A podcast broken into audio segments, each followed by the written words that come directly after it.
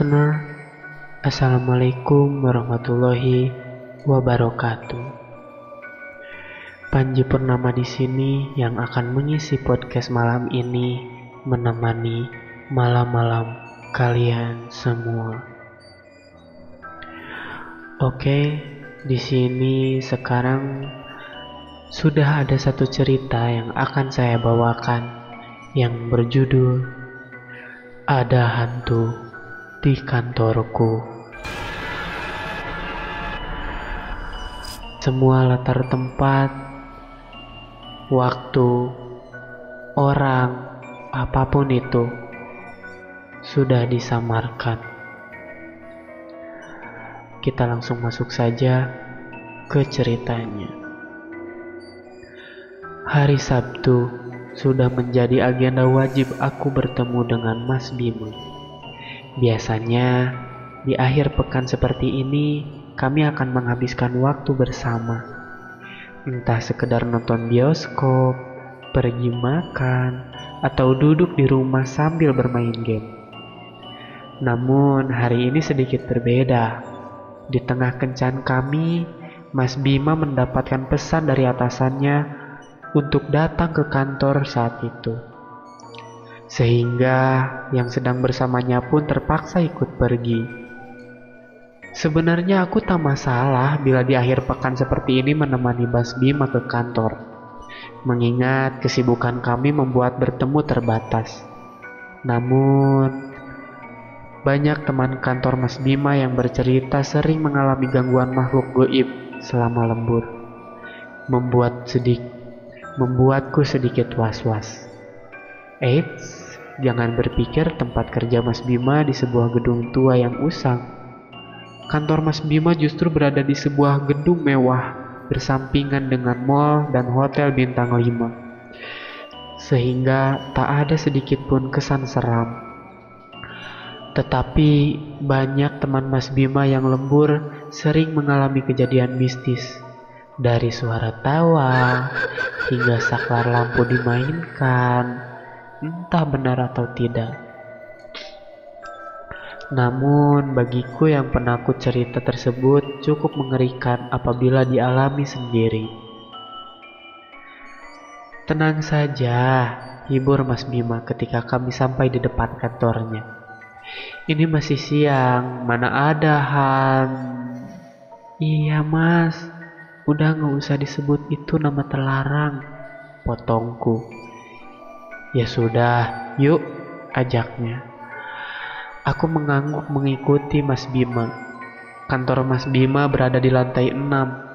Biasanya di setiap lantai ada dua hingga tiga perusahaan.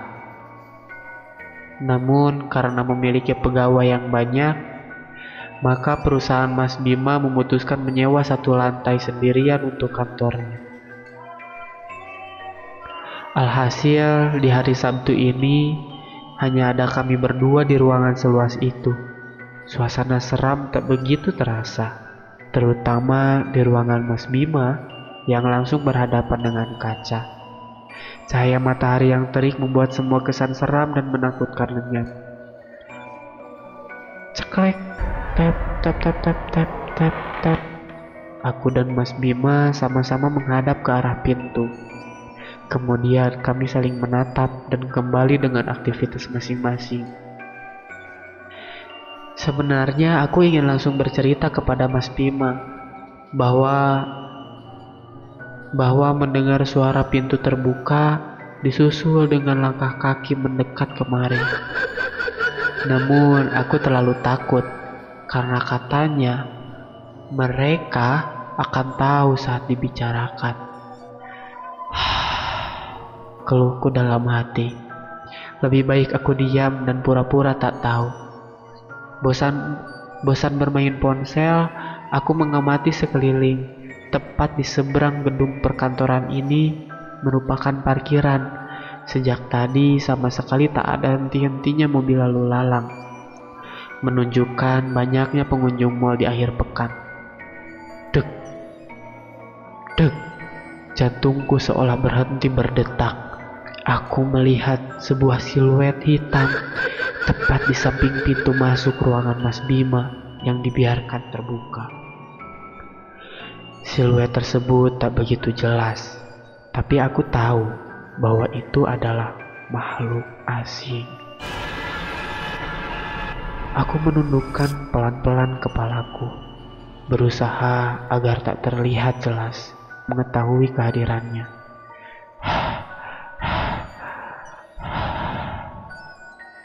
Aku mengambil napas pelan untuk menenangkan jantungku yang masih berdegup kencang. Rin, kenapa? Anu mas, kataku terpotong, bingung membuat alasan apa. Bosan saja, hehehe. Lanjutku tertawa menutupi kegugupan hatiku yang masih bisa kurasakan. Sabar ya, ini tinggal tunggu konfirmasi email aja. Kalau udah oke, bisa langsung cabut kita. Aku mengangguk. Ceklek. Tep tep tep tep tep tep tep tep tep tep tep. Belum usai penampakan siluet hitam mengganggu pikiranku, lagi-lagi suara pintu terbuka dan langkah kaki mendekat kembali terdengar. Aduh, gila ini cerita, eh. Faisal merinding sendiri ya. Entah dengar atau sengaja mengabaikan, Mas Bima tetap sibuk dengan layar komputernya. Ceklek, tap tap tap tap tap tap tap tap tap tap. Aku tetap duduk dan tak bergeming sekalipun mendengar suara itu. Berulang kali. Rasanya terlalu takut untuk memastikan dan beranjak dari kursi. Eh, Mas, panggilku. Nyalain lampu dong, gelap. Mas Bima menatapku bingung. Sebenarnya sudah jelas bila dia bingung, karena ini masih pukul 3 sore, bahkan matahari masih bersinar terik. Namun melihat raut wajahku, seolah Mas Bima paham dan memilih menyalakan lampu. Hatiku terasa lebih tenang sejak lampu menyala. Tahu kan perasaan ketika nonton film horor? Kamu bisa bernafas lega ketika hari menjelang siang, seolah digambarkan bahwa saat terang hantu tak mungkin muncul. Aku kembali mencoret-coret kertas di hadapanku sampai dikagetkan sampai dikagetkan dengan sesuatu yang menggelinding dari bawah kakiku tanpa suara dan berupa jelas. Bayangan hitam pekat serta bulat menggelinding begitu saja di bawah kakiku. Dek, dek, dek, dek, dek, dek, dek, dek. Jantungku berdetak lebih cepat dari sebelumnya. Aku mengambil nafas, membuangnya, mengambil nafas, membuangnya.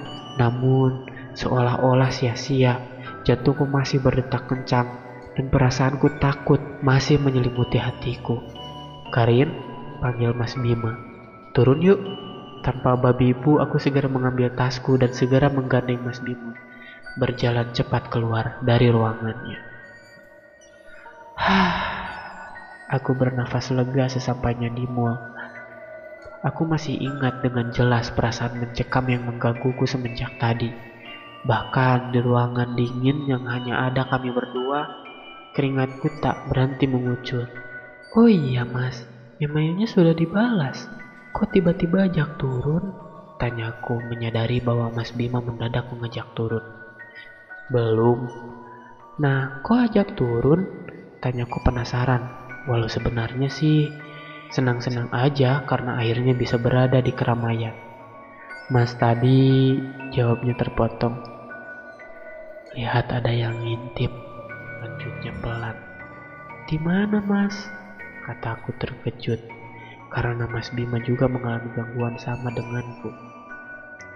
Pintu gak ada rupanya, hanya bayangan hitam, aneh bentuknya. Oval, kayak kepala ngintip tapi hitam. Aku terdiam terkejut. Apa yang dilihat Mas Bima sama dengan sesuatu di bawah kakiku tadi. Jangan-jangan penunggu kantor mas, karena tadi aku juga lihat. Kamu juga lihat?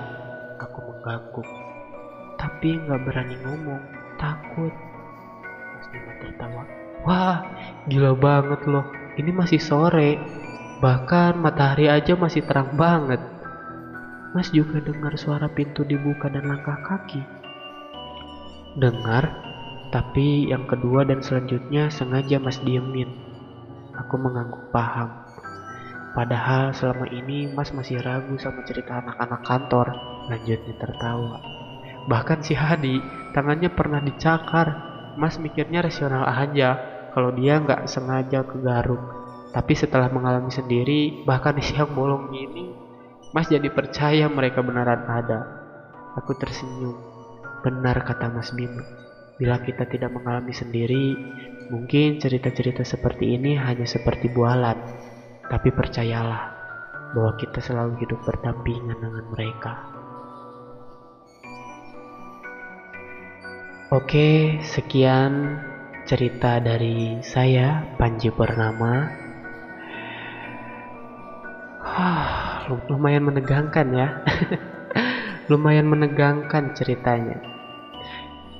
Mana saya ini rekaman sendiri pula. Di studio sendiri, rekaman sendiri, mana sudah malam. Tapi ya sudahlah.